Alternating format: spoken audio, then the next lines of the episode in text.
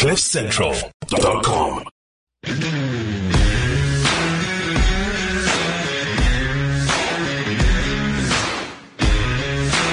Welkom by die Klipkouers Potgooi waar ek gereeld gesels met Afrikaanse entrepreneurs en impakmakers ten einde die beste praktiese advies met jou te deel. Ek is jou gasheer, Jacques Passon. Laat die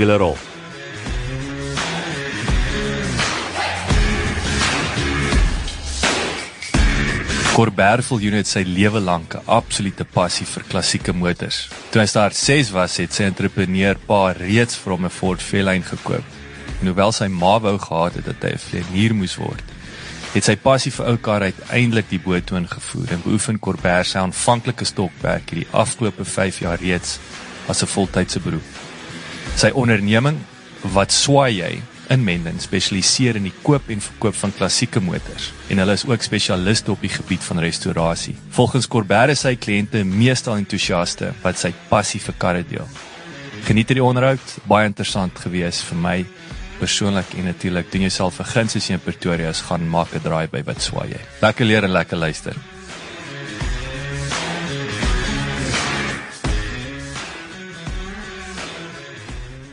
Corbert, vertel ons 'n bietjie meer van jouself. Waar het jy groot geword? Wat is die pad wat jy gestap het tot hier waar jy nou in die in die klankbank ateljee sit?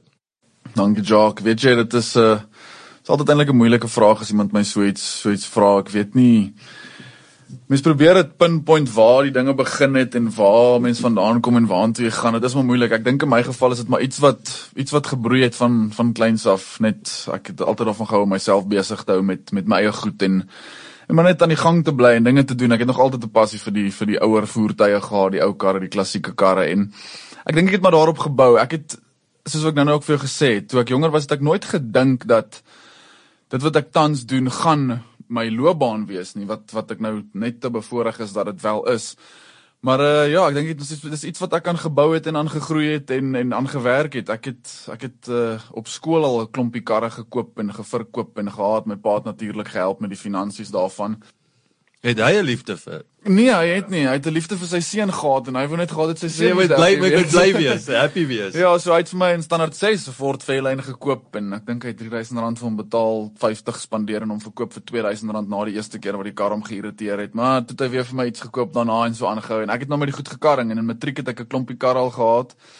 Het jy hulle opgebou self? Het jy ek het het jy ag, ons het aan die goed gewerk self. Ek het ek het nie nie die volle restaurasies, verwerk en alself gedoen nie, maar ons het maar die goed mooi gemaak en aan gewerk en het net probeer waardevol maak. Maar die idee was ook nooit eintlik om te verkoop vir geld nie, want ek was maar 'n 'n jong jong man gewees wat net gedink het ek wil die kar hê. Die idee was nie om dit te verkoop nie, maar toe lyk cool cool in die straat. Dit lyk cool, dit lyk cool en die girls like it. En Ja, toe ja. en toe begin ons toe begin ek maar net van die goed so koop en verkoop en toe ek in matriek kom toe sê my ma nee, ek gaan 'n vlieënier word, haar kind gaan 'n vlieënier word. So ek het gaan vlieg na skool, ek het my lisensie gekry en al daai dinge. En toe ek die lisensie kry, het ek net heeltemal besef dis nie vir my nie. Ek het nog steeds hierdie liefde vir die kar en ek wil teruggaan na dit. Toe as ek vrye tyd gehad het, het ek aan dit gewerk. Op skool self het my pa ook gereël dat ek by 'n paneelklopper vriend van hom gaan werk. Dit 7, 8 en 9 naweke skoolvakansies het ek daar maar gaan karring. Ek dink minder werk as enigiets anders. En uh, die ouens het my salaris betaal, maar ek het toe na my pa se dood uitgevind dat hy het gegaan op 'n maand einde of 'n week einde en dan betaal hy die eienaar van die plek en die eienaar betaal my my salaris. My um, So dit was maar my pa se manier sê kom op maar 'n bietjie te goed te, te werk aan hierdie passie van my en dit het maar net so aangehou. Dit het maar net so aangehou en ja, ek het die nadat ek gevlieg het, lisensie vir my ma gegee vir haar gesê, "Ah, ah, nie vir my nie, ek wil vier wiele op die pad hê." En dis wat toe gebeur het van daar af en ek het maar so die mark geleer ken, die ou karmark geleer ken, aangehou daarmee en nou het ons vandag ons ons besigheid waar jy was. yes, dit is dit is fantasties, maar ek wil 'n bietjie vashak by jou pa, né? Ja, ja. Want ehm um, dit is daarom 'n wonderlike storie. En wat vir my uitspring is nommer 1, ek het ek het die naweek het ek 'n 'n YouTube ding wat die ou nog sê, moenie moenie jou kinders moenie jou le jou lewe of onvervulde uh, Ja. uh, ambisies deur jou kind probeer uh, uh, leef nie. So dit was interessant. Maar nommer 2 was die die feit dat hy jou hande laat letterlik vuil maak het. Daai mm. praktiese mentorskap Ja, Dit absoluut. dit, dit dis missing in die wêreld vandag. Dit Almal is- dink hy wil 'n prokureur geword, maar hy weet nie wat doen 'n prokureur elke dag nie of 'n rekenmeester of 'n dit of 'n dat. Dit Net is so, ja ja. Nou, nou dat jy so praat daarvan, ek het so so nou al so twee of drie keer het ek op hierdie uh dit is career coaching tipe goed, shadow match. So ek het al daar met 'n paar praatjies wat my gevra om 'n bietjie met die mense te praat, want dit gaan maar oor kinders wat nie regtig weet wat hulle wil doen nie en waar hulle moet gaan nie en die ouers voel natuurlik almal moet in 'n professionele rigting en jy moet gaan swat en dit is die enigste manier en dis the way of the world en dis hoe dit werk. En ja, ek dink nee maar nou party ouers raak nou 'n bietjie ontstel, maar dit is nie noodwendig so nie. En ek sê nie jy moet jou kind net los of iemand enigiemand wat iets wil doen net los om te doen wat hulle wil doen nie. Obviously, daar moet nog steeds targets en goalposts en wat ook al wees wat die ouens moet bereik, maar jy moet mense 'n bietjie 'n geleentheid gee om net te kan doen wat hulle wil. En ek was bevoorreg met my pa, so hy was ook maar 'n onderwyser toe hy jonger was, maar hy het vroeg in sy lewe ook besluit entrepreneur en hy het, hy het geweet wat harde werk was en hy het vir sy kinders geleer. Hy het vir my ook veral goed probeer leer dat jy werk maar vir wat jy het en op die einde van die dag as jy vir jouself werk, is jy die enigste enigste een wat daar sit en vra moet antwoord en en wat ook al dit mag wees. So hy het, hy het dit vir my geleer en dit is hoekom hy dink ek my blootgestel het aan baie van hierdie geleenthede om fisies te gaan werk, net nie net te gaan rondneek nie. So nee, ek het al my pa het my geleer van vroegdag af om om hard te werk. Yes, dit is eh, is regtig 'n baie inspirerende uh, Ja. voorbeeld en en maar kom ons haak 'n bietjie vas weer eens daar by jou pa die hulle sy agtergrond jy het genoem uh, spoorweë back in the day jou oupa Dis reg, Jy's in ja. Bloemfontein gebore so kom ek like jou sommer meer. Ja, sy, jy Vrystaat. Vrystaat 'n uh, bietjie Vrystaat DNA daar tussen die Altyd Pretoria. nodig. ek hou van die kleur van jou ateljee. Ek moet vir jou sê hy is hy is, Hy- hy is vrystaterig. Hy is baie Hy het 'n tikseltjie oranje. ja, hy het, hy het. So ja, ag nee, my pa was 'n uh, onderwyser gewees. Hy het onder, onderwys geswat in KP hier in Pretoria. En ehm um, ja, hy het onder hy was onderwyser by Monument gewees en ek dink 'n paar ander skole, maar hy was jonk gewees, in sy in sy 20's gewees toe hy daarmee begin het. En uh, ja, hy was Gys Viljoen gewees. Selfe naam as ek Cornelius Gysbert Johannes Viljoen. So ons het dieselfde name gehad, my oupa ook. En So jy's eh, die derde. Ek is die derde. En uh, my oupas, my pa se pa was op die spoorweg gewees, hy het maar vir die spoorweeg gewerk en wat ook al. En ja, het toe maar vir my pa gereël om die restaurant, kroeg, koffiewinkel als op Pretoria stasie te kry en vir die die treine en die en die busse en alles te te cater daai kant. En dit was toe maar hoe my pa se entrepreneurloopbaan dink ek begin het. Hy het toe maar altyd vir homself gewerk en van daar af uitgebrei na die hotelbedryf toe en Pretoria Sport en hierdie rugby klub hier in in Groenkloof in Pretoria het hy vir 'n lang tyd ook gehad en bedryf. So ja, hy het ook maar hy was onderwyser en toe ek dink maar soortgelyk aan ek. Ek het my maat gedink ek gaan 'n vlieënier wees wat 'n professionele rigting is, maar my pa het ook besluit so iets is nie vir hom nie en hy wil maar vir homself werk. Mens wil maar op die einde van die dag jou eie ding doen en en voel jy beteken iets. Ja. Ja, en en ek dink dis baie keer die jy weet dis die ding van entrepreneurskap. Ons sê ook as jy kyk oh, daar mense kan nie al sê seker ons moet 'n day job hê. Jy weet, Natuurlijk. Jy gaan mense kykie neer Baie as jy sê mense. jy moet nie. Baie mense Maar jou jou hoe jy nou eendag gesê jou as jy vir iemand werk is jou plafon is jou titel op jou besigheidskaartjie. Ja. Jy kan is- nie hoër styg as wat die titel sê nie. Dit is so. En ek dink dis is nou so. weer waar entrepreneurskap ja, die risiko's is groter, maar daar's nie 'n plafon nie. Jy jy bepaal die plafon. Nee, dit is. Ek dink van van die buitekant af lyk dit baie keer vir vir mense wat jonger is. Ek nie dat ek ouer is nie, maar jonger is en nog besluit wat hulle wil doen met hulle lewe. Lyk dit dalk baie baie glamorous van 'n van 'n buiteprentjie af, maar dit ek dink ek sê dit al baie keer ook gesê, ek dink om 'n entrepreneur te wees en self dinge te moet laat gebeur is 100 keer harder werk as om vir iemand te werk. Maak nie saak in wat 'n moeilike posisie jy is nie. Dit is maar ja, vir jouself werk is 'n klipkouer. Daar's 'n uh, Daar's- 'n 'n uh, jy vat dit jy dis sterk ken hè.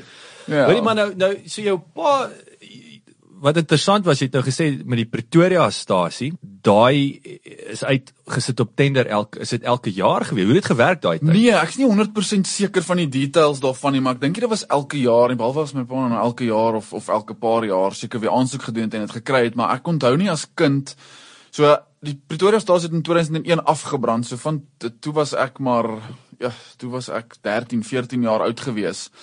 En ehm um, ek ont, ek onthou nie dat daar tenders was nie. Hy het nou maar natuurlik hy hy was 'n 'n man wat 'n plan kon gemaak het. So hy was natuurlik geconnected met die ouens op op die op Pretoria stasie gewees en hulle het hom gevra om van Bloemfontein stasie af te kom die kant toe om die stasie hierdie kant te self te doen wat hy daai kant gedoen het met die Het hy dit op Bloemfontein toe gehou of waar Sel- stadium? Nee, nee, hy het dit toe maar opgegee. My pa het altyd gesê die slegste die 'n besluit wat hy nie die slegste besluit nie, maar 'n besluit wat hy so bietjie spyt was oor was om van van Bloemfontein af Pretoria toe te trek. My ma wou Pretoria se kant toe kom, haar ma en familie almal was hierdie kant gewees en haar pa. En my pa toe my maat gevra en hy het sak en pak maar net besluit kom ons gaan en hulle het hier Het, uh, ek weet sê die Pretoria luisteraars julle gehoor, Corbert se pa wou in Bloemfontein bly. ja ja, hy wou. Hy wou. En dan gee my maat hom oortuig en hulle het hierdie kant toe gekom en hy het maar die Pretoria stasie die kant gevat en dit tot en met 2001 het hy dit bedryf so goed as wat hy kon en heel heel goed gedoen en ja, en Maar toe hy nou af, afbrand, toe sit nou wat? Dis nou die Ja, hele so besigheidsmodel nou het nou ver, verander. Daar is ook nou weer 'n ander 'n ander storie. So hy het 'n maand voordat die Pretoria stasie afbrand het hy 'n uitval gehad met sy versekeraars, Santam destyds. En ehm um, hy het toe ja, hy het toe die versekering gekanselleer 'n maand voor die stasie Ja. afgebrand het. En ja, daar was daar was 'n sambreel op die stoep gewees wat in 'n kliënt se kar ingewaai het.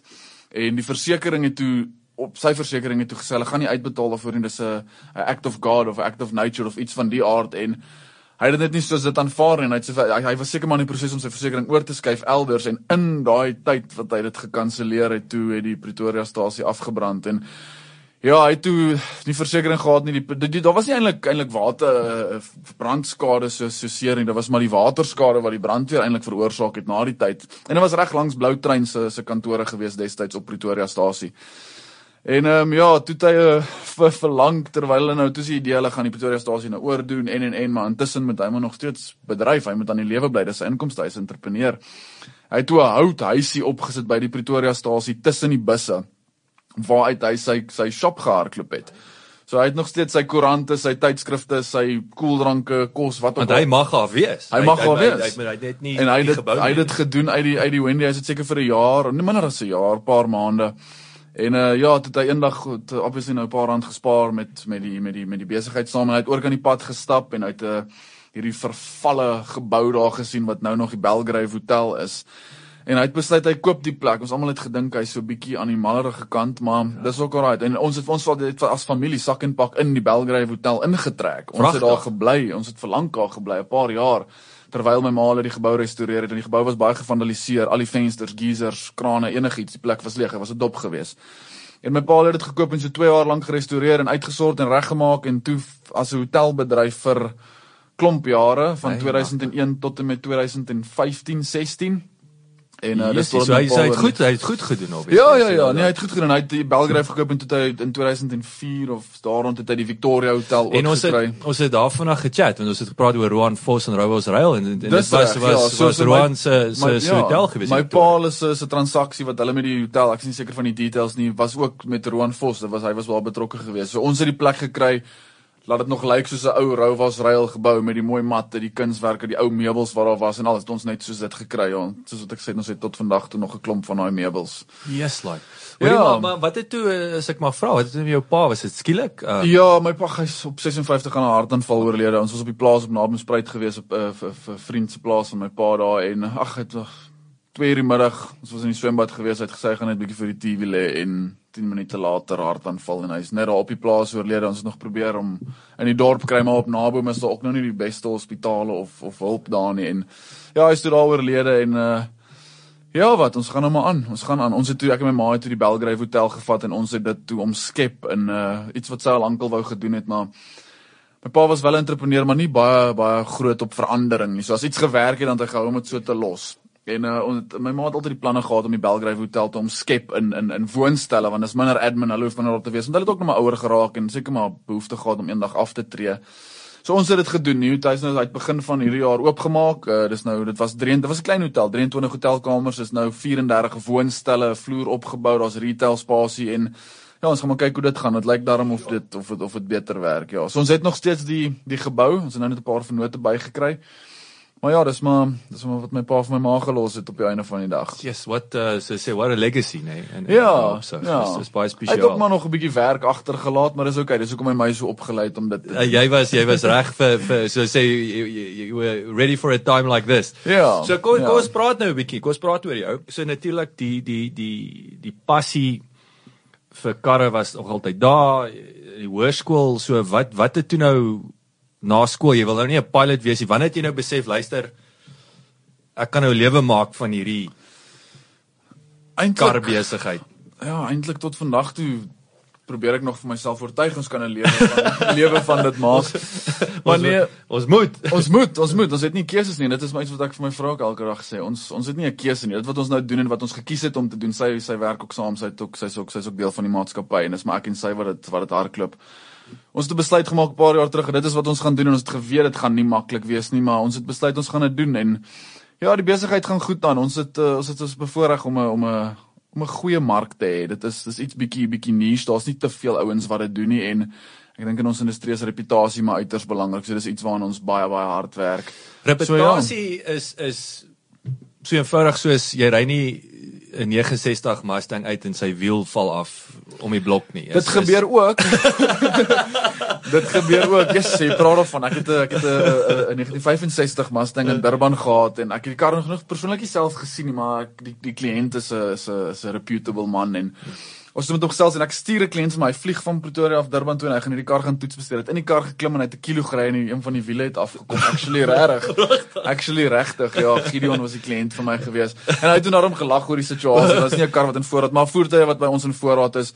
Dit is maar moeilik is ouer voertuie maar reputasie soos wat jy sê daarso mens maak seker die verkoop daarom nie 'n stuk gemors nie en en die ouens wat wat 'n voertuig koop jy, jy jy probeer ook maar die ekspektasies van van van die mense net bietjie manage ek dink dis 'n groot ding in ons industrie is om ouens moet weet ek het al baie van transaksies al weggeloop want ek weet ek gaan 'n voertuig verkoop aan ou en hy gaan my die volgende dag probleme gee en die kliënt gaan met my veg en hy gaan my bel want hy is net nie 'n ou kar 'n mens nie verstaan dit nie so ou kar hy het nie daai jy moet daai grys hê nee, jy moet en dit verg aandag en dit is maar daar's altyd TL TLC en jy moet maar aan die goeders werk en karring en jy moet aandag aan dit gee. Dit is nie jou primêre voertuig nie en jy moet ook nie verwag dat jy sommer net in enige ou voertuig klim en dit gebruik as 'n primêre voertuig nie. Goeders goeders gebeur maar van die karre is 80 jaar oud. So mense moet dit maar gedagte. Dis dis 'n Sondag kerk of net ja, Saterdag. Ja, natuurlik. En op party Sondag gaan hy ook nie wil staan nie en dit is dit is deel daarvan. Ja, ons probeer probeer die goeders reg doen en en en goeie voertuie verkoop.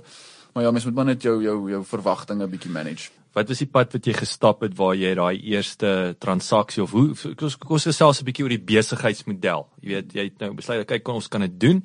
So wat was daai eerste kar wat jy verkoop het en en en hoe werk die proses? Jy koop die ou kar in, jy tune hom, jy verkoop hom. Is dit so ja. eenvoudig soos dit of like sê as simple as that but it's dit, not as simple as that? Ek wens dit was, dit klink lekker, maar ja, dit baie keer is dit. So ons het vir baie lank die beginjare van die besigheid. Ons het die besigheid officially is geregistreer in 2015, maar toe try ons nou al vir 5 jaar omtrent uit uit ons persoonlike kapasiteit. En ehm um, Ja, weet jy, aan die begin het ons maar voertuie gesoek wat mense aankoop en jy verkoop dit net sonder dat ons werk kan doen. Obviously het ons toe nie die ervaring en die mense gehad wat wat vir ons werk wat aan die voertuie kan werk en dit beter maak nie. So ons het maar self, dit wat ons ingekoop het, dit as klein goedjies het myself maar ingekarring. Ek en Nadia het al baie kere gesit dan koop ons 'n kar, sy polish hom, ek probeer bietjie die meganiese deel regmaak, sommer by die huis en dan verkoop ons van daar af en beweeg aan na die volgende voertuig toe. Maar bygesê ook toe dit begin het Ek het altyd geweet dit is iets wat ek wil doen en dit sal 'n besigheid wees, maar elke kar wat ek gekoop het, het ek gedink ek gaan vir altyd hou. Dis so, weer want dis dis jou hart, ja, jy sentiment en, en dan dan koop jy dit aan en dan baie van die goed is ek baie spyt dat ek wel verkoop het, maar die idee was maar om uit te brei na iets toe, maar soos ek sê, ek het die goed gekoop aan die begin om dit te hou en Uh, dan dan werk jy aan dit en dan maak 'n ou jou 'n aanbod of iemand sien die voertuig of jy sit 'n foto op Facebook. Facebook is deesdae baie powerful, maar back in the day was dit maar net mense wat dit goed gesien het, 'n kar skou hier en daar wat ook al. En ou maak jou aanbod en as 'n 17, 16 jarige jong laat op skool wat nou 'n kar gekoop het of gekry het en jy weet die kar het jou nie geld gekos nie en jy kan 'n paar rand maak en jy kan dan net iets anders gesien wat jy moontlik kan koop, dan doen jy dit. Jy vat die geld, jy beweeg aan en jy gaan aan. So destyds ook het ons nie te veel geweet van die industrie presies hoe dit werk. En of was ouens in die mark ook gewees en ons het dit maar oor die jare net geleer ken en ek en Nadia het beslis wil die beste wees in hierdie industrie en ons het ons werk hard daarna toe. So ons het uh, besluit om hierdie hierdie ding aan te pak en ons het die showrooms oopgemaak. Die showroom in in in in Menlyn nou onlangs oopgemaak voor dit maar net store gehad waar ek die karre aangehou het by die huis gehou het aan gewerk het en ook so maar bietjie die mark leer ken en sekere van die ek wil nie sê die die die rolspelers nie, maar van die van die kliënte, die die die die versamelaars in die in die industrie leer ken en ek dink dit was ook goed geweest. Ons het eers bietjie ons voetwerk reg gekry en fondasies reg gekry en toe het ons besluit ons ons neem die die vintage classic car mark oor. En kyk en en, en die belangrike ding daar is jy het jou overheads laag gehou. Jy weet terwyl jy die barbie tot hierdie babietjie tot vandag toe. So as jy vra oor die besigheidsmodel, ek is ek is ek, dis dis een ding wat ek dink baie mense nie van my weet nie, maar ek is nogals 'n paranoïese ou en ek kan nogals berekend bietjie stres oor oor sekere goed. Ek wil hê goed moet 'n sekere manier verloop en as dit nie so verloop nie, dan kan dit my so bietjie omkant gooi, maar mens mens werk nou maar daarmee. So vir my was die groot deel van ons besigheid altyd nog overheads geweest want ek weet in hierdie mark dat daar kom tye waar mense nie vreeslik voertuie verkoop nie. Ons is baie bevoordeel met die corona tydperk nou gewees, die lockdown en so aan. Ons het nog steeds kon, kon nog steeds besigheid doen want ons het nou 'n klomp aspekte wat saam met ons besigheid gekom het nou oor die jare, versekerings en waardasies ensovoorts wat ons bietjie aandag aan gegee het en ons maar in die lewe gehou het tydens die die, die lockdown periode. Maar 'n groot deel van my was nog altyd so tans ook ons huidige ons huidige perseel in Menlyn. So ek is die ek's basies maar die landlord van daai perseel. Ek huur die die die die hele spasie onder en dan sublet ons. So die werkswinkel waar ek ook betrokkeheid het hier by by my. Okay. Al daai stores Is dit is dit Snor City? Dit is Snor City. So dit is dan nou die workshop en dan al die stoorspasie wat ek het, die die stoorspasie betaal natuurlik hier is versamelaars van ons wat voertuie stoor wat te veel voertuie het goederes wat in queue is vir die workshops ek het 'n paar versamelaar kliënte dan hier nou byvoorbeeld 'n twee by ons noem dit die pits. Hier uit die pit by ons. Dis nou daar agter in die hoek dis in die hoek ja. so dan parkeer hy sy twee karre wat onlangs ingekom het dit's in queue vir die workshop en dan sodra daai klaar is dan kom dan nou weer twee nuwe karre daarin of hoe ook al dit mag wees. Of baie jy sal dit nie genoeg baie ouens wat voertuie koop wat nie noodwendig het met hulle vrouens bespreek nie. So hulle steek hom weg hulle koop dit parkeer dit en dan speel hulle hom af vir tyd totdat hulle op op 'n goeie manier vir die vrouens kan kan verduidelik of andersom, vrouens wat dit nie vir die mans vertel nie. Ehm um, ja, so die groot ding was met ons die overhead. So ek probeer goeie mense aanstel wat drie werke kan doen in plaas van om drie mense vir daai goed aan te stel en in ons industrie is dit nie baie maklik om ouens te kry regtig wat kennis in in hierdie in hierdie goed het nie. So ons lei maar die ouens op. Ons probeer maar nou jongerige manne aanstel wat saam met ons se pad kan stap en maar leer soos wat ons se goed gedoen wil hê op die einde van die dag. Obviously. Nee, dit is crucial. Dit is crucial. Ek het al baie ouens ge-interview wat daar by ons kom wat wat kom werk aansoek doen. En dit sal sekerlik werk. Die ouens sal seker gelukkig wees en en en en 'n wins kan maak en die besigheid bou van daar af, maar baie keer dit is 'n is 'n groot ding in ons industrie. Jy jy jy jy gesels vreeslik baie met baie mense en baie min van dit realiseer in besigheid. So jy moet nog steeds maar net met die mense kan chat en jy moet 'n bietjie 'n broad spectrum idee hê van wat in die industrie aangaan en jy moet die voertuie op die einde van die dag ken en jy moet daarvan hou want vir 'n gewone salesman, hy gaan nie sommer met iemand net wil gaan gesels as die persoon nie 'n aanduiding gee dat hy wel iets wil koop nie. So ons gesels maar ons uh, you kiss a lot of frogs, maar dit is nou maar deel van dis dis deel van hoe dit werk. Hoe eh, so ek wil ek wil 'n bietjie vashaak met daai jy het nou gesê ook weet die die die talent lê nie rond nie omdat dit julle ja. verskriklik niche en is hmm. ook 'n ek wil moderne mechanicus seker maar 'n rekenaar weet hy plak ja. op in nee hy moet hy moet ja ja diagnose en masjiene en dinge ja so so waar nommer 1 hoe bly julle skerp in, in terme van julle skill sets of is daar met 'n ouer engine 5 stappe en daai vyf stappe is verander nooit nie. So so dis my eerste vraag is ja. wees, hoe bly julle skerp? Uh waar gaan julle om? Hoe weet jy jy jy's die beste wat jy kan wees en dan jy het nou gepraat van julle monitor die industrie. Ja. Wie's best in class? Waar kyk julle uh, uh in die wêreld om om, ja. om by te leer om te sien hoe jy weet beter kan word? So op jou op jou eerste vraag, ek dink ons ouens omdat ons maar ek praat nou van in Snor City in Pretoria uh, is ons nou maar die enigste ouens hier rond wat eintlik bietjie aan die aan die ouer voertuie werk en en die mense begin dit nou al meer besef en bring die karre vir ons. So ek wil ek weet nie om met die die woord wat ek wil gebruik is uh on the job training. So ons ouens ons werktuigkundiges hulle almal het 'n passie vir ons het 4 of 5 van hulle daar in die werkswinkel 5 en ehm um, hulle almal het 'n uh, het 'n passie wat anders hulle nie daar gewees het nie want op die einde van die dag Ehm um, die ouens die ouens skryf wat hulle wil hê en hulle hulle word persoonlik dink ek aangevul en hulle hulle werk nie. Hulle het nie 'n roetine day to day ding wat hulle elke dag aan mag nou nie 'n brand se naam gebruik nie maar 'n spesifieke selfde klein karretjie moet werk selfde ding oor en oor en oor doen nie. So die ouens geniet dit en is heeltyd iets anders wat gebeur. Daar is uh, daar is net 'n uh, paar stappe wat 'n mens kan volg op 'n ou kar se engine maar almal van hulle verskil ook. Jy kry jou V6 V8 4 silinder wat ook al dit mag wees maar on the job. Ek dink die ouens omdat daar so baie werk deur die werkswinkel gaan en hulle hulle hou hulle self clued up met allerlei online video's en kursusse en goedjies wat 'n mens kan doen. So ja, hulle hulle hou hulle self maar ingelig soos dit en soos ek weer sê, on the job, hulle werk met die goed so elke dag is 'n nuwe ding en hulle figure dit uit. Op 'n of ander dag die ouens moet dit maar uitfigure.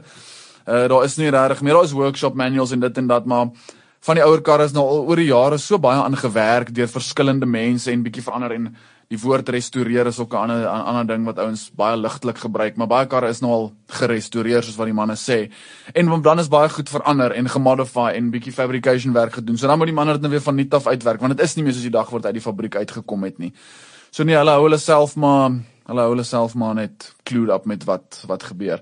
En ons op die ander kant jou tweede vraag, ek dink is min of meer 'n vraag. Ons um, ons as jy as jy bestuur van die maatskappy ons hou alles dop. Ons uh, ons volg die buitelandse mark, ons volg ons mark. Ons probeer bietjie boekhou van van die waardes waarvoor voertuie verkoop. Uh in in Amerika en daar rond is daar meer mense as hier wat wat doen wat ons doen en hulle Dankvader hou heel boek van uh, jy kry Haggerty en die Nada guides en alles wat online is. So hulle hou boek van van verkoopswaardes en hulle doen ook waardasies en hulle hulle klassifiseer voertuie in verskillende kategorieë, vier kategorieë van van die kwaliteit van die voertuig van sleg na na bittergoed kan kos natuurlik. En ehm um, ja, in Suid-Afrika omdat die ou voertuie glad nie regtig 'n boekwaarde het of enigiets soos dit nie. Dit is maar dit is maar 'n bietjie van 'n grys area, maar ons probeer redelik markverwant bly en ons probeer soveel as moontlik inligting oor 'n spesifieke voertuig en ges, uh, uh, historical uh, resale waardes bymekaar maak om te weet min of meer wat dit kan werd. Dis dit bly maar 'n grys area. Dit is uh, dit, dit, ons probeer dit ook in in verskillende kategorieë opbreek om verskillende waardes want in 19 Soos een het 'n storie dalk wat deur 'n famous koppel aan iemand spesiaal. Ja. Een kar is goed gerestoreer, een is sleg gerestoreer, een het nie oorspronklike parte en die ander een het een het 'n uh, ons sien baie ouer voertuie wat ouens nie nie dit te erg verstaan nie en dan sal hulle byvoorbeeld 'n golfiese sitplekke in 'n ou Volla sit of hy verf hom net 'n kleur wat mooi is maar dis nie so oorspronklike kleur nie. Nou obviously jy kan dit doen, jy mag dit is geregtig om dit te doen, maar jy moet net besef dit affekteer die waarde dat dit affekteer die waarde van die voertuig. Ja, so versamelaars wat die ouens is wat wat wat top dollar betaal vir die voertuie, hulle soek goed oorspronklik of as dit iets is wat hulle regtig graag wil hê, maar meeste van die tyd maar oorspronklikheid kom bo uit. So ja, dit is hoekom ons werkswinkel ook. Ons ons bou baie custom voertuie vir vir 'n klomp maatskappye, bemarkingsvoertuie en so aan, maar hulle doel van daai voertuig is nie om hom as 'n bate laat hy waarde moet moet groei. Dit is net om 'n bemarkingstoel te wees. So dan doen ons dit vir hulle en dan die ouens weet ook jy koop 'n kombi van 150 000 rand, jy spandeer 300 000 rand aan hom. Dit maak nie jou kombi 450 000 rand werd nie. Jou kombi bly heel moontlik nog steeds 150 000 rand. Maar jy kan met hom, jy kan met hom Bloemfontein toe reis ja, sonder probleme. Ja, so wel hopelik, hopelik. So ja, ons uh, ons ons probeer maar op alle maniere moontlik uh, ons lees, ons sit ons is 'n klomp newsletters waar ons gesubscribers wat al ons ouens name ons ons ons doen dit namens hulle. Hulle kry ook gereelde inligting. Ons het boeke, het ons boekrak gesien daar by die plek en dis dis alles op op op ouer voertuie gemik. So mens moet maar net jy moet maar net self dit vir jouself maak werk. Daar is nie kursusse wat jy doen wat vir jou presies wys hoe werk hierdie industrie of hoe werk 'n ou kar nie. Jy moet ongelukkig maar self sien kom klaar. Wat ek baie van hou wat jy sê in in in in hierdie hierdie besigheid, die tipe besigheid is juis omdat dit so die heeltyd varieer. Dit is reg, ja. Uh, uh so dit is dit dit hou dit of win dit. Dis soos jy sê daai Dit doen, dit doen. Die eendimensioneel hierdie. Nee, dit doen uh, dit, dit is maar voertuie die die klassieke voertuie in vandag se dit baie baie beleggingsoriënteerd geraak. So baie ouens koop voertuie om dit as 'n belegging te gebruik. En ek bedoel dit is een van baie min beleggings. As jy reg koop op einde van die dag baie wat jy kan verseker jy kan hom gebruik. Dit is 'n dis 'n usable investment wat jy kan verseker teen diefstal teen skade wat ook al. So jy kan jy kan verloor. Moet my nou nie moet nou nie dink almal moet gaan ouer voertuie koop en dink almal gaan vreeslik vreeslik groei op hulle op hulle op hulle belegging sien nie Ehm um, jy moet nog steeds reg koop. Uh, die mark beweeg op en af en ons probeer trend hou daarvan, maar mense moet ook in gedagte hou dat met hierdie omdat dit 'n niche mark is en daar is net daar's limited voertuie beskikbaar as sê maar sê maar nou in die Porsche mark of in die Amerikaanse karmark of wat ook al. So as jy reg koop, die mark gaan soos wat enige tradisionele belegging maar 'n bietjie volatile op en af is. Sal dieselfde doen, maar as jy die regte koper op 'n voertuig kry en jy het jou prys op hom, as die ou regtig waar die kar wil hê en en hy voel dit gaan vir hom werk vorentoe as 'n belegging, dan sal hy die voertuig koop, maar ja, ek ek sien baie wat ouens kom en voertuie koop. Eh, daar's baie van die rugby spelers met wie ons besigheid doen en natuurlik ook nou nie kar mense nie en hulle koop dan nou 'n voertuig en dan 'n maand of so later dan dit dalk nou besef dis nie vir hom nie of hoe ook al of hulle wil verkoop en iets anders hulle hulle gaai jy nogals om baie gereeld voertuie te verander. So een ding maak hom vinnig verveel dan soek hy nou weer 'n ander ding wat wat wat bietjie beter is of anders is. En ehm um, so mens moenie verwag jy gaan 'n koop 'n voertuig en 'n maand later bring jy hom net terug en sê oh, ek ek wil nou 'n 100 000 rand maak op hom of ek wil nou 'n 'n wins wys op die op my belegging nie. Dit dit werk nie so nie. Dit kan, dit kan as jy reg koop. Ek sê altyd vir die mense jy jy maak maar jou geld waar jy die voertuig koop. Jy moet maar seker maak jou pryse is reg. So daar is in ons industrie ook ongelukkig baie baie met Facebook saam baie baie voertuie wat verbo ons opinie se markverwaarde verkoop word. Uh, mens probeer maar die ouens net afkry. Mens besef ook dat pryse waarvoor voertuig geadverteer word is nie noodwendig waarvoor dit verkoop word nie. Almal vat maar 'n kans. Ja. Maar ons probeer maar so 'n bietjie die mark. Ek wil nie sê standaardiseer nie, maar net 'n bietjie meer in 'n riglyn kry dat ouens nie buitensporig buitensporig cowboy faktor op, op die ander hand ook nie noodwendig ouens wat nie ingelig is nie wat voertuie verkoop vir minder as wat dit werd is. Ons probeer daai ouens ook natuurlik 'n bietjie 'n bietjie help. So ons het 'n 'n proses in ons besigheid ook waar ons namens die ouens die voertuie verkoop. Dit kom glad nie na ons vloer toe nie, maar ons hanteer vir hulle die bemarkingstransaksies, die betaling, maak seker almal is veilig, maak seker papierwerk is reg en hoe meer ek 'n kliënt se kar voorverkoop, hoe meer kommissie kry ek op die einde van die dag. So ons probeer die ouens maar net bietjie inlig en ons bied kursusse. Ons is nou besig om 'n paar goed vir vrouens op die einde van die dag ook aan mekaar te sit waar die mense kan my vrou gaan dit eintlik doen na. Dit is iets wat sy graag wil doen is om uh vrouens op 'n Saterdagoggend met 'n champagnetjie en 'n breakfast wat ook al leer hulle hoe om tyres te ruil, batterye te ruil en sulke goeders te doen. So sy gaan nou 'n paar van daai gedoen. Dit gaan maar net als oor oor om mense ingelig te kry in ons mark want dit is hoe die enigste manier hoe ons mark sustainable kan wees vorentoe is as meer mense ingelig is daaroor en as jonger mense korrek die nuwe generasie dan nou. Gelukkig wat ons sien gebeur maar ja die jonger generasie moet betrokke raak. Jy uh, jy het nou van daai shadow match vroeër gepraat. Klink vir my of jy maar die hoërskool die mean min manne van jy weet kry dat hulle moet kom leer om 'n bloody tire te verander. Ja, ek dink maar ek dink aan my lighty. Ek dink hy hy hy weet waar is die tire, maar ek natuurlik, natuurlik. Ja. Dis nee, uh, dit is ja. was nou nie met hierdie moderne karre nie. Nee, maar maar wat 'n wat 'n interessante ek bedoel ek kan nie aan iets meer uh pret dink. Dis nou 'n ja. basic ding en maak jou hande vuil en Correct, is, is en geniet dit. Absoluut. Ja. Dis mos nou nie ja. en dan weet jy wat om te doen as jy die dag Ja, so dit is dis my vrou se dis haar haar besluit gewees om hierdie hierdie tipe ding te bied vir vrouens. Ag vir enigiemand, nie net ja, vrouens op ja, 'n van die dag, ja, enigiemand. Sy restoreer nou haar eie mini. Sy het so ou, sy het 'n nuwe Mini Cooper SUV wat sy ry en toe het ons so ruk terug nou sy ou mini ook gekry wat sy nou ombou in 'n hulle noem dit die Monte Carlo replika. Dis 'n ou voertuig wat destyds die Monte Carlo uh, rally gery het. Tyd vir 'n het jy geweet insetsel. Klein karretjie groot oorwinning. Op 21 Januarie 1964 het die Mini Cooper S een van die skouspelagtigste oorwinnings in die geskiedenis van internasionale motorsport behaal. Toe dit die Monte Carlo tydren vir die eerste keer gewen het. Dit was die Noord-Ierse paar bestaande uit Paddy Hopkirk en sy mede-bestuurder Henry Lydon wat vir die groot opskudding gesorg het deur die oënskynlike superioriteit van aansienlik kragtiger mededingers te weerstaan in hulle klein Britse karretjie. Die Mini se foutlose jagtog langs die plaaspaaie en oor bergpasse in ys en sneeu om die skerp draaie en teen steil hellings het die baan geweg vir 'n ongelooflike triomf. So sy bou hom nou en sy's nou al so 'n paar maande met dit besig en ek dink dit wel dit is vir my so great om te sien dat sy sy doen die ding, sy bou dit, sy werk self aan. Ek help waar ek kan en die, die manne in die workshop help waar hulle kan, maar net om te sien hoe sy groei in in haarself in die voertuig want dit is goed wat sy self doen en obviously dan raak 'n mens bietjie meer confident en jy praat met mense so sy wil nou maar net dit 'n bietjie uitbrei en en ander vrouens kry om om om soortgelyk ook te fokus en nie te voel jy moet 'n man kry om om noodwendig aan jou kar te werk nie en ja net of net koffie en koekie en drink of skorrel goed Wat is vir daarmee? Niks niks niks.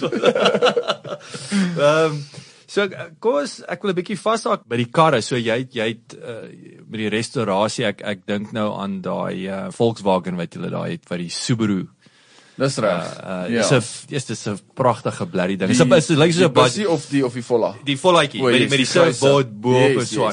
So wanneer waar's daai lyn waar jy as jy 'n kar so oorbou, jy weet wat my hmm. dink aan Fast and Furious of ja. weet is daai tipies, jy sit nou hierdie state of the art komponente in hierdie in hierdie klassieke ja. liggaam in. Mm. Eh, kom dit op 'n punt waar dit die waarde opneem, kom dit hy nie daai oorspronklike part in dit. Waar is daar 'n ja, dun lyn? Ja, dit is dit is 'n fyn lyn. Ek dink uh, laat ek dit voor ons begin sê, daai daai spesifieke voertuig het ons nie self gebou in-house nie. Ehm um, dit is ander manne wat wat hom gebou het en uh dit verkoop die kar was, die kar die kar was toe nie bruikbaar geweest nadat hy gebou was nie en die kliënt het hom na ons toe gebring en ons het 'n klomp werk aan hom gedoen en 'n paar goed reggemaak en net net bietjie opgradeer, beter gemaak as wat wat ons voel dit was wat dit was gedoen geweest. So om om jou vraag te antwoord oor oor die waarde, daai daai einste kar is al oor die 500 000 rand aanspandeer en dit is 'n volla. So jy gaan nie 'n volla behalwe as nou 'n spesiale volla is wat sommer daai waarde is nie, maar 'n mens moet die besluit maak voordat jy begin. As dit daai voertuig het 'n kliënt besluit wat hy wil hê en hy die voertuig so laat bou. Hy het geweet hy gaan nie 'n kwart van sy geld op die einde van die dag heel moontlik terugkry nie, maar dis iets wat hy wou gehad het. Ongelukkig het die proses met die restaurasie saam hom nou 'n bietjie bietjie geïrriteer uh, en hy dit die ding het nie geloop soos wat dit moes geloop het nie en hy's nou gatvol vir die voertuig. Hy wil nou nie eintlik meer met hom enige iets te doen hê nie. So het dit hom te veel gekos. Dit nou maar ook Dit het hom gekos maar ja. Dit die, die, die dis nie die finansiële implikasies wat wat vir hom so so groot ding was nie. Dit was maar net die die die die die die proses. So dit is 'n ander deel of van die proses in ons werkswinkel. Ons kry die kliënte in een keer elke 2 weke. Ons uh, sit met hulle, ons gaan deur wat gedoen is. Jy hou hou die ouens updated en jy doen wat jy sê jy gaan doen. Jy jy doen waarvoor die kliënt betaal. So wat wat baie gebeur in ons industrie is, daar's ouens wat voertuie restoreer, maar joe Ek uh, mense wil ook nie te veel daar uitbrei nie, maar mense moet maar versigtig wees net. Dit is al wat ek kan sê. Net versigtig wees waar jy 'n kar laat bou en seker maak jy ouens het die kennis vir vir dit want jy gaan baie geld spandeer want dit is maar die ouens dink hulle sien dit op TV en dit kos alles alles is duur en jy doen dit en dan kry jy nie wat jy wil hê op die einde van die dag nie. So dis maar wat in hierdie geval gebeur het. Maar daai voertuig is nou great 100% uitgesorteer. Daar is nie 'n vinniger volle aan die dorp nie. Ek kan dit vir jou definitief vertel. Ek het hom so maand terug gery en 'n paar nuwer modelle voertuie wat my bietjie probeer probeer het, maar hulle kom vinnig agter dat dis nie 'n nie 'n standaard standaard volletjie nie. So hierdie kliënt het besluit hy hy gaan daai geld spandeer. Hy gaan dit nooit terugkry nie.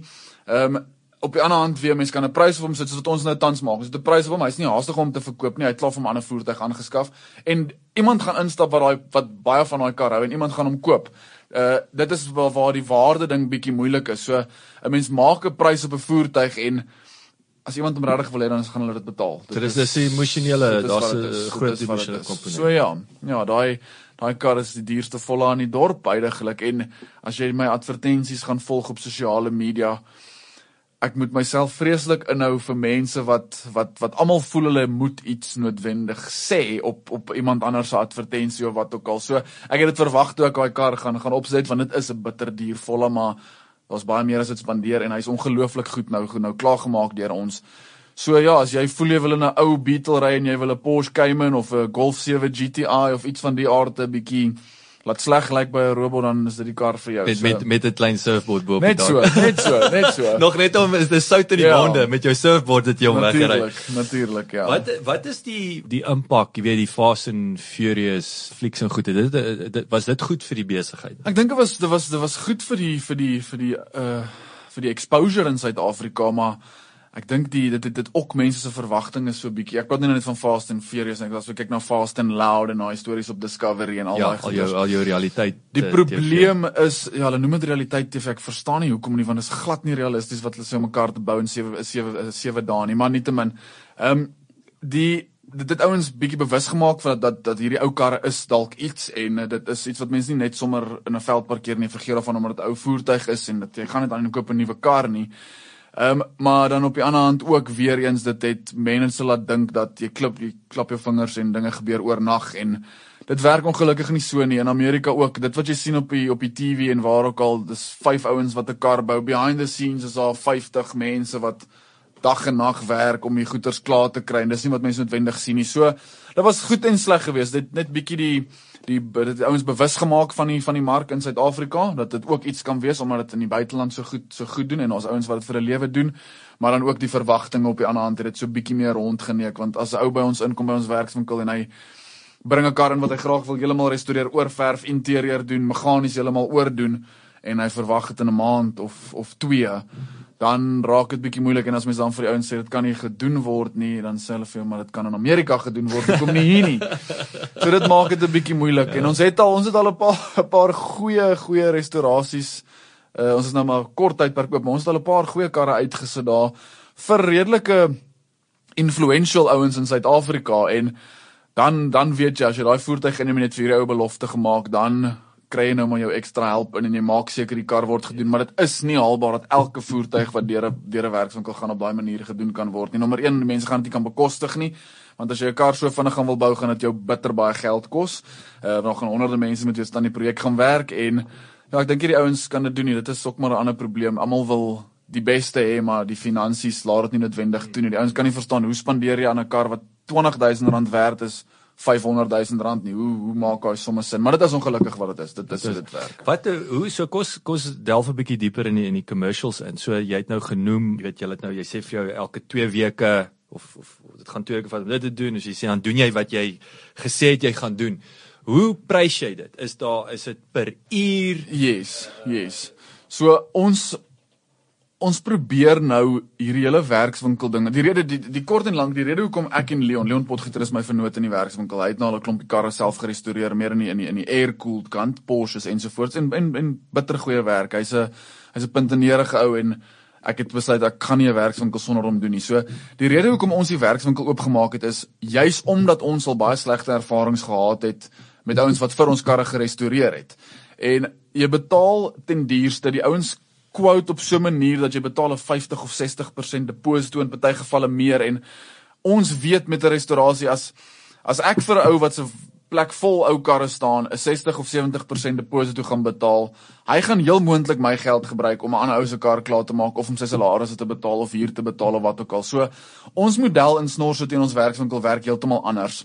Ons het besluit ons doen 10 projekte 'n jaar. Klein ons het ons het twee ou ouetjies wat dedicated is vir klein jobs wat inkom deur die dag of oor 'n naweek of wat ook al. Meer maintenance. Ja, net bedienste en wat ook al dit mag wees. Maar ons doen 10 groot projekte 'n jaar. Uh, dit sal seker so jaar en 'n half per projek neem. 10 groot projekte 'n jaar.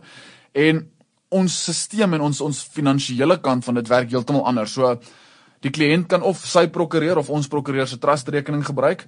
Ons vereis volle betaling. So dit moet gesit in escrow as die projek 'n miljoen rand gaan kos om te doen wat ons min of meer estimate van die begin af is baie moeilik om om 100% akkuraat te kwoteer. So ons sit met die ouens, ons elke voertuig wat inkom spandeer ons sekere week aan die kwotasie net om seker te maak dat ons het met elke liewe persoon wat aan die kar gaan werk in die winkel gepraat en dan estimate ons die ure op dit. So ons shop werk op ure. Dit is maar baie ouens sê dit is nie haalbaar nie want jy uh, iets op 'n ou kar wat jy dink gaan 'n uur vat kan jou 10 ure vat.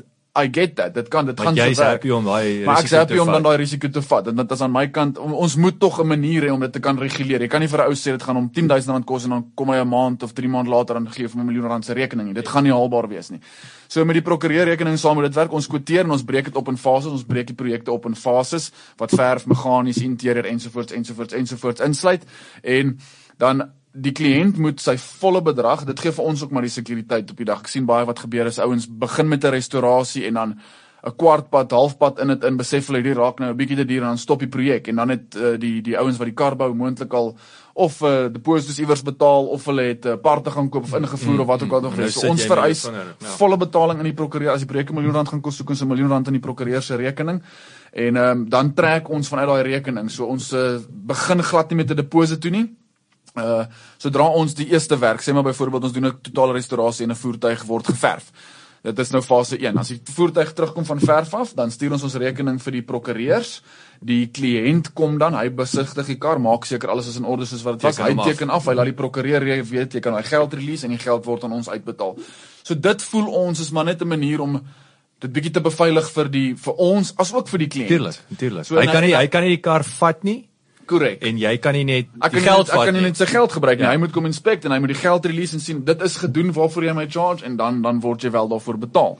So ons dink dit gaan dinge dalk 'n bietjie verander in hierdie industrie want ouens wil nie noodwendig meer gaan nie. Dit is ek ek ek het dit al gedoen in die verlede. Ek het vir ouens al 700 000 rand deposito betaal om vir my 'n 'n Ford te restoreer. 3 jaar later dan gaan al mense die kar daar uit en jy's nog steeds nie gelukkig nie en dinge word nie reg gedoen nie.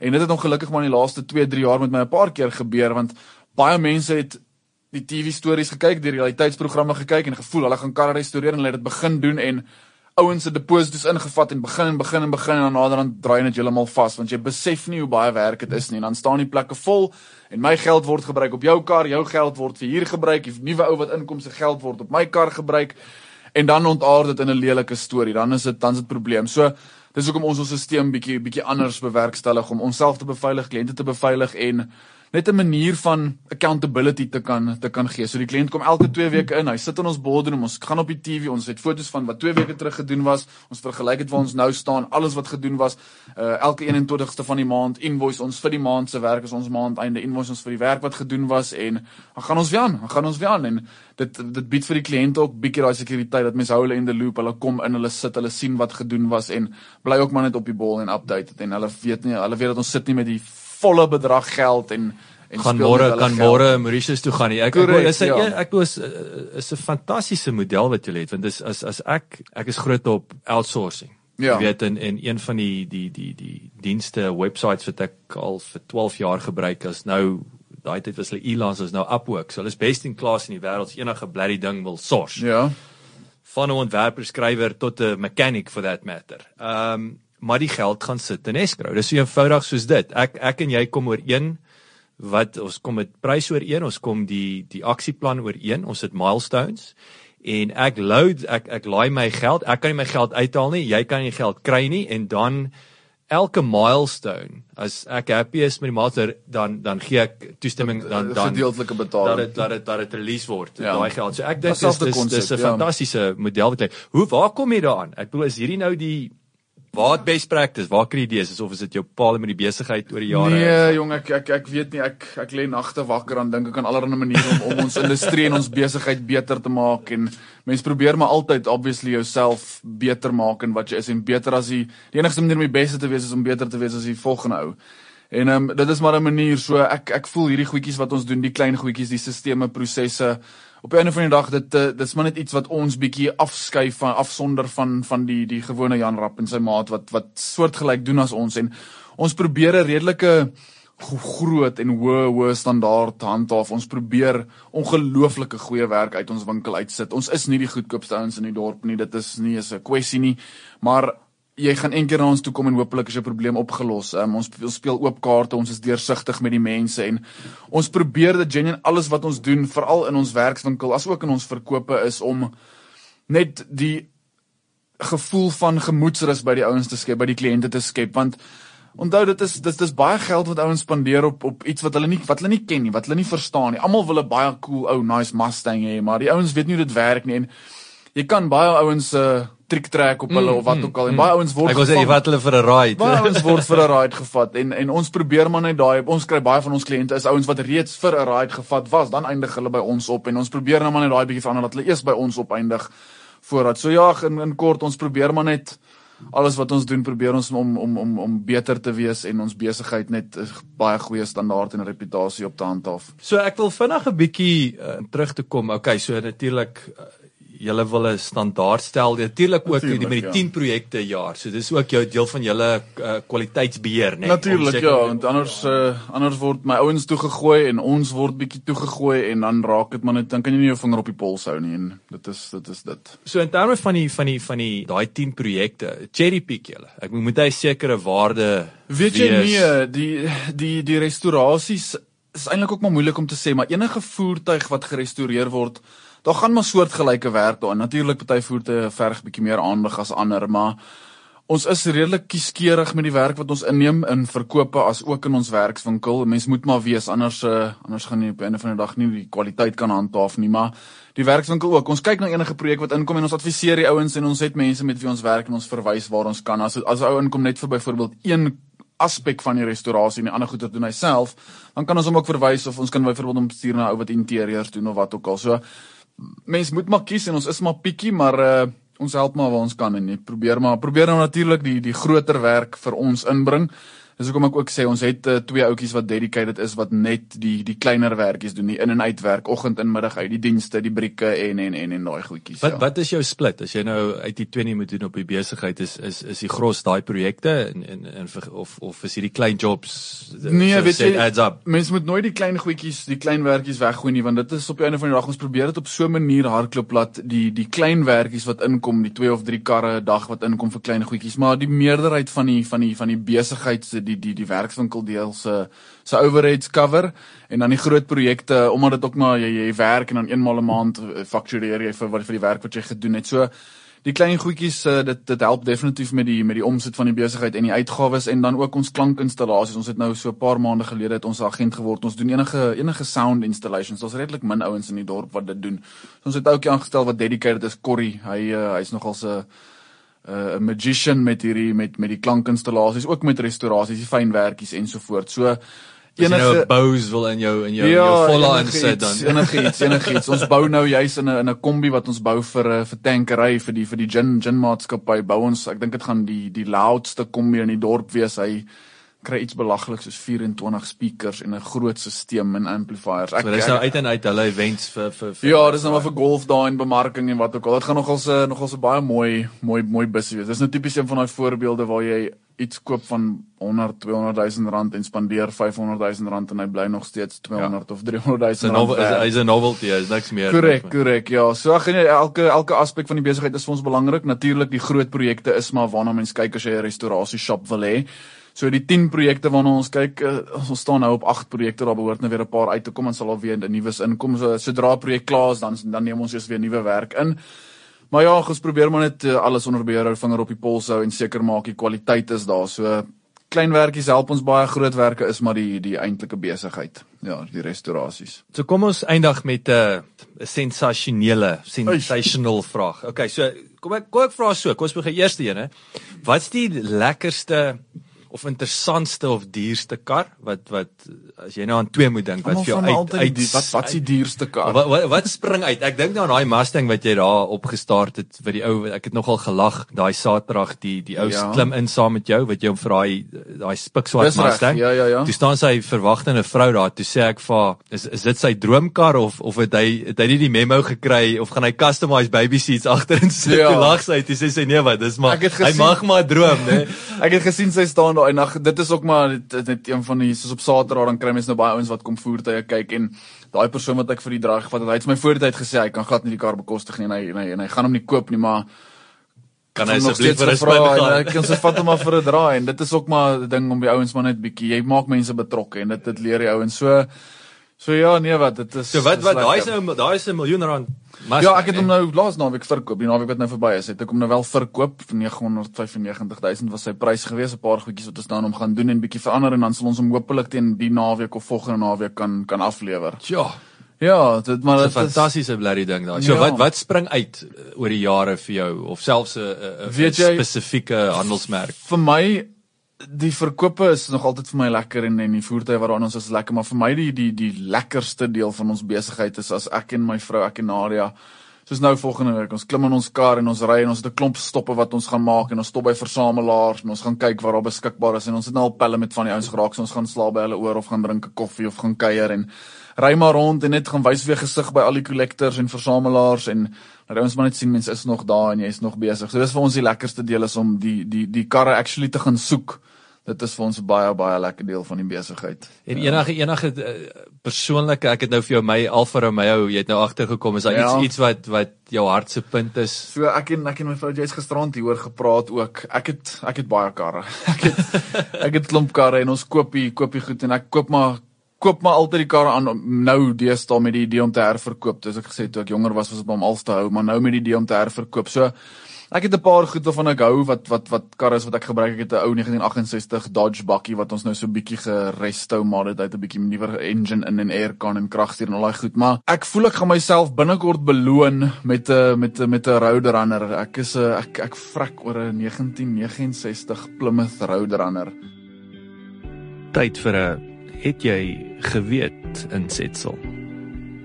Die 1968 Plymouth Roadrunner was sy eerste in die Amerikaanse outomobielgeskiedenis.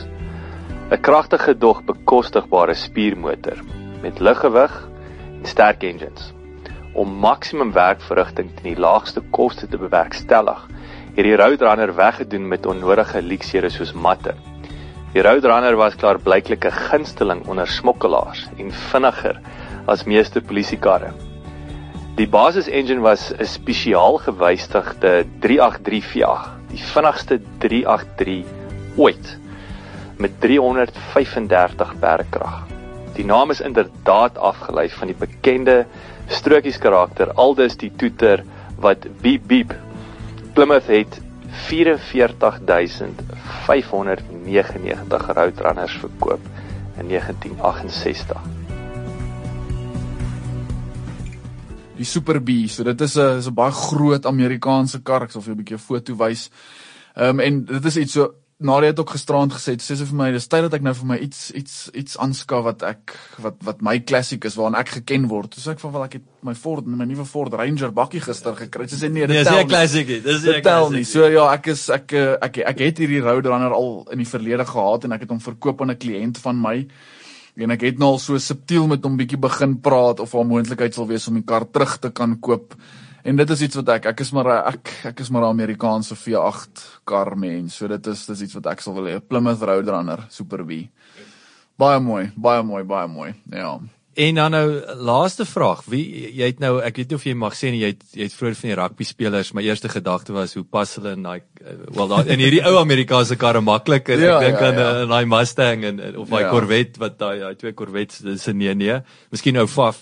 Maar ja. uh, wat uh, wie is van hier? Is is mag jy name noem? Wie is van hier? Mag ek dink nie hulle sal hulle dit is tog maar op hulle sosiale media profiles en goeters ook opgesit. So ek glo nie dit sal 'n probleem wees nie. Um, uh van ons gereelde kliënte ons het onlangs vir vir Mornay Steyn het ons 'n uh, 'n uh, Austin Healey bietjie aangetorring en gewerk en klank en goedjies vir hom ingesit 'n kar wat hy ook by ons gekoop het uh Dewald Potgieter ons het sy uh sy uh, sy Camaro heeltemal vir hom, hom kosmeties gerestoreer en 'n paar goedjies aan hom ook gedoen. Hy was jy's nou gister weer in by ons gewees.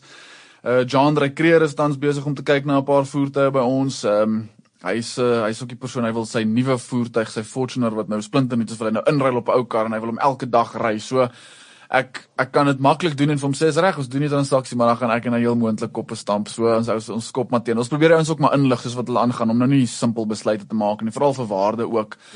En ehm um, ja Jacques Potgieter hy het 'n uh, hy het 'n Mustang by my gekoop hulle ruk gelede. Ons het hom ingeruil op 'n ander Mustang wat tans in restaurasie by ons is ook. Hy behoort oor so 'n paar weke klaar te wees ehm um, ja die ouens die ouens val maar net daarin uh, dit Wie daai Mustang gebeur dink Nee, die Mustang is net 'n net 'n ou van van Johannesburg. Uh, ook uh, ook 'n ou wat geen sins, hy het dit vir my reguit gesê, geen sins enigiets van 'n kar. Weet as jy hom vra wat sonder die band gaan hy vir jou sê 'n engine. Hy hy het nie 'n idee nie. It's a look so, and a ja, feel and a ja. Ja, ek dink ook met baie van die van die dit wat wat ons ook maar help wat ons bevoorreg is oor die die die die die influential mense in in in die dorp, die rugby spelers, die die groot besigheidseienaars ensovoorts. Dit is ook maar lekker as hulle by ons voertuie koop en dit is 'n gemaklike transaksie en hulle is tevrede en gelukkig om mee en die word of mouth komponent by sosiale media toe mm. en dit is die groot ding, die word of mouth. So so Morneystein, jou sy sy uh Austin Healey wat hy wat hy het, hy het hom gekoop met die doel dat dit is sy voertuig. Hy speel nou weer by die Bulle. Hy gaan hy ry met hom net loftes toe en en terug. Maar ek wil vir jou bysê ek het hom nou al 'n paar keer op die pad gesien en ek weet dis nie oefentyd of rugby tyd of enigiets gewees nie. So hy ry hy, hy ry hom nogals baie. Ja. So ja, nee wat, dit is maar ons het ons het al interessante karakters ontmoet en en uh, prominente figure ons het al met 'n paar uh politieke ouens ook ook ook gehandel wat wat voertuie koop en wat voertuie het en redelike versamelings het. So ja, ons eh, ons ons ons ons besigheid uh, hanteer ons maar redelik streng konfidensieel, maar dit is lekker om om te kan deel, veral as die as die as die die wil amper die die social butterflies as van die van die ouens wat nou wat nou uh op sosiale media mense beïnvloed en wat ook al na hulle nou rugby gespeel het of na hulle nou daai daai deel van hulle loopbaan verby is. So dit is lekker as die ouens ook goed van jou praat en bietjie jou besigheid namens jou bemark en terugkom vir nog besigheid en en weer terugkom. So ek dink dis maar deel van die standaard wat ons probeer handhaaf. So ek het ek het sit en ek, ek sal eendag ons het vinnig ek het vir jou genoem ek sit die Saterdag daar en daar's daar's uh, twee uh, swart uh, egpaar wat toe daar sit en ek ek het afgelei ek, ek weet hy so pik swart wie het kompressor daar ingery maar ek het hy het iets kom optel nê nee, Ja so hy het uh, toe hy jonger was het sy pa so W108 280 S Mercedes gehad en hy het uh hy het daar ingestap en hy die kar uiteindelik na iets anders kom kyk en hy het daai kar gesien en hy het besluit hy vat hom. Ek het nog so twee of drie goedjies gehad wat ek moes doen op die kar en ek het hom vir hom 'n week te gee en Ja, toe sy vrou hom gebring om uh, om om, sy, om, om, om op sy so hy het obviously emosionele en die Mercedes ding natuurlik nog sterk in die in die natuurlik ja. Maar maar ek hoor toe hulle hulle vra toe vir jou van jou ouens wat is what swaai jy? Hy wil what what, ja. is what swaai jy? So dit was baie interessant maar toe nou die snor city en uh, ek ja. ek het nie geweet wat snor city beteken so vertel 'n bietjie vir die nuwe pretoriaaners Wat, wat snor, snor uh, ja, vertel hulle wat dit beteken. So ja, Jessie, wat swaai jy toe ek het met 'n pel vir my gesit wat eintlik 'n prokureur was destyds en hy het die besigheid vir ons geregistreer en hy sê ek vir my stay dat ons nou maar 'n entiteit moet kry waar hy ons handel. Dit was met wat swaai jy destyds en vra my wat doen julle eintlik want ek dink tot vandag toe baie van my pelle besef weet ook nie eintlik wat wat presies ek doen. Hulle weet ek doen iets met ou karre, maar ook nie eintlik wat ek self weet ook nie 100% presies altyd wat mense doen. Maar ehm um, wat swaai jy het ek het hy vra wat doen ek en ek het hom gesê ek weet jy wat ek swaai swaai iets as ek ek, ek koop 'n kar, ek swaai wat ook al. En uh, toe sê hy, "Wat swaai jy?" Toe sê ek, "Nee, enige ding." Toe sê ek, "Ek wil ons noem dit maar ons noem dit maar wat swaai jy?" En toe die besigheid nou so gegroei en ons het vir 'n lang tyd geoorweeg om om die naam te verander. So, dis eintlik snaaks, die, die besigheid se eintlike geregistreerde naam is Vintage Car South Africa. En ons trade as wat swaai jy? En um, ons het oorweeg om te rebrand en alles, maar ek voel met met so 'n naam, selfs met Snor City, ek sal nou vir hom ook verduidelik, maar selfs met Snor City, dit is Dis iets anders. Almal probeer hierdie soos 'n 'n restoration customs of classic restorations of wat ook al. So, dis vervelig ja. en ek dink ons intrek so 'n bietjie meer aandag. Dis heeltemal anders. Ons het al ge geoorweeg om 'n video te maak van 'n klomp mense in die land met verskillende aksente en verskillende nasies, wat ook al dit mag wees om almal wat swaai jy te sê. Uit, yeah, en nou yeah. kyk hoe dit uitgespreek word en also in Engels dink ek dit translate maar so 'n bietjie na na flog it. Ja, jy weet ons ja, sê ja. you flog it, jy verkoop. So ek dink dis maar min of meer die naaste wat ek kon afgelei het, maar ja, wat swaai jy?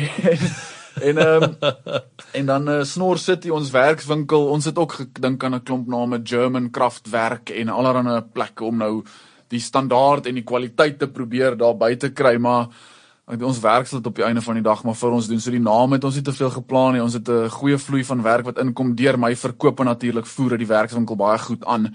En toe besluit ons ons ons is in Pretoria. Ons is enigste ouens wat eintlik in Pretoria hierdie ding try en doen en actually execute. En toe noem ons dit maar Snor City Speed Shop. So Snor City, ek dink is waar die ouens van Joburg praat van Pretoria as Snor City. Ek weet nie of meer mense hier snorre het of wat die actual storie is nie, maar ja, Snor City Speed Shop wat nou natuurlik ook uitbrei na Snor City Paint Shop en Snor City Audio Installations en goeds en en, en accessories en fitment. So die werkswinkel is ge, gemik op op op eh, op, op ouer voertuie, Snor City Speed Shop, maar ons nader nou 'n klomp nuwe handelaars vir hulle klankinstallasies en fitments en al daai goed. So ons sal nog sien hoe die as ons vir iemand 'n proposal stuur en dit kom van Snor City af. Ek weet nie hoe ernstig die mense dit gaan opneem nie, maar dis nou maar so. Ons sal maar kyk as hulle by ons kom draai maak, dan sal hulle verstaan. Dit is mos nou daai eh, dis ek wil sê dis die perfekte voorbeeld van mengels.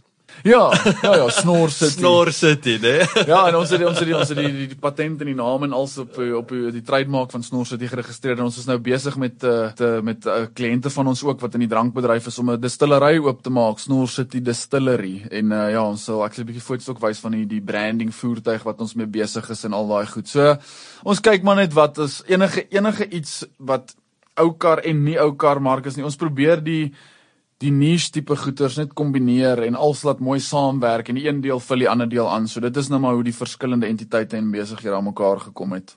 Kyk Corbert en, en nommer 1 inspirerende storie en en inspirerende besigheid. Ek wil kom sit daar by julle en 'n bier drink en net daar ryk en kyk. Dit is wat ons en, probeer bereik. Ek wil nie by Volvo.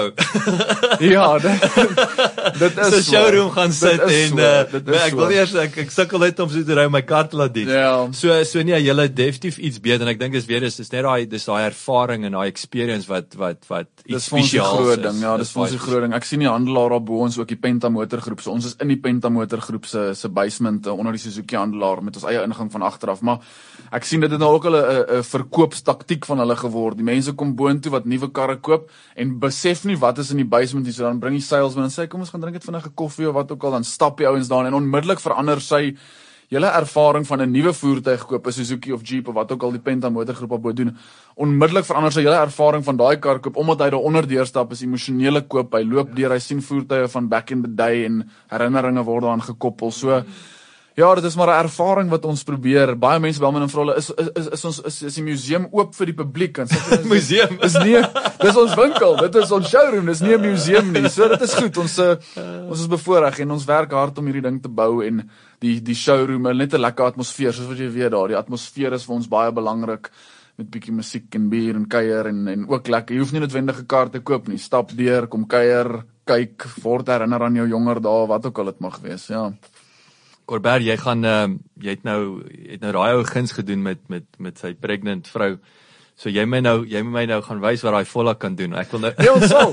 Kom maak dit daar. Jy moet moet draai ry. ons met 'n Porsche trek af van Ryword tot Dit Ryword. is ja, dit is dis eintlik heel scary om in so 'n kar so daai spoed te beweeg. Ja, hy's gebou maar hy's- ek wil net sê, ja, gebou hy's gebou daarvoor. daarvoor. Ja, maar nee, is welkom. Jy is welkom. Corbett, baie dankie vir jou tyd. Dankie dat jy eh, Enige tyd. deur gekom het en soos ek sê, well done, hoor. Dit is regtig 'n baie spesiale besigheid en ek en ek wens julle alle Ek waardeer. sterkte vir 2021 voor. En ook die, net so terloops die, die Classic Kagel. Vertel 'n bietjie wat Nadia, dit was ook Classic. Kagel, ja, sommer so vinnig. Dit is julle kan gaan kyk op Instagram en op Facebook, haar profiles is alles daar up and running en dit is julle sal sien dat die fotos en die kwaliteit daarvan is sy ook wat al ons fotos en en, en ons bemarking vir die besigheid doen. So uh sy probeer maar net ook die die die exposure bietjie mense bewus maak en net net meer die die die klassieke en ou kar ding in die land bietjie groei en, en dit is ons probeer 'n snowball effek kry dat almal betrokke is en almal weet dat dit is 'n industrie en nie net so niche mark meer is nie. Dit sal heel moontlik altyd wees omdat dit maar 'n luxe 'n luxe luxe mark is.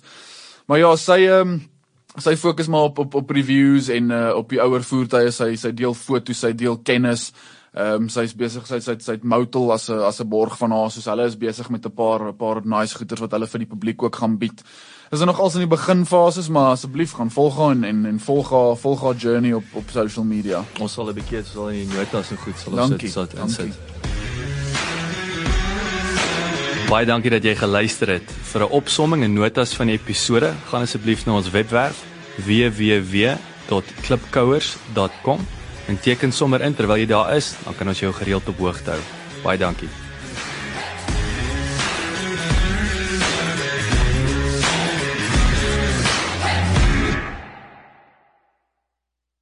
CliffCentral.com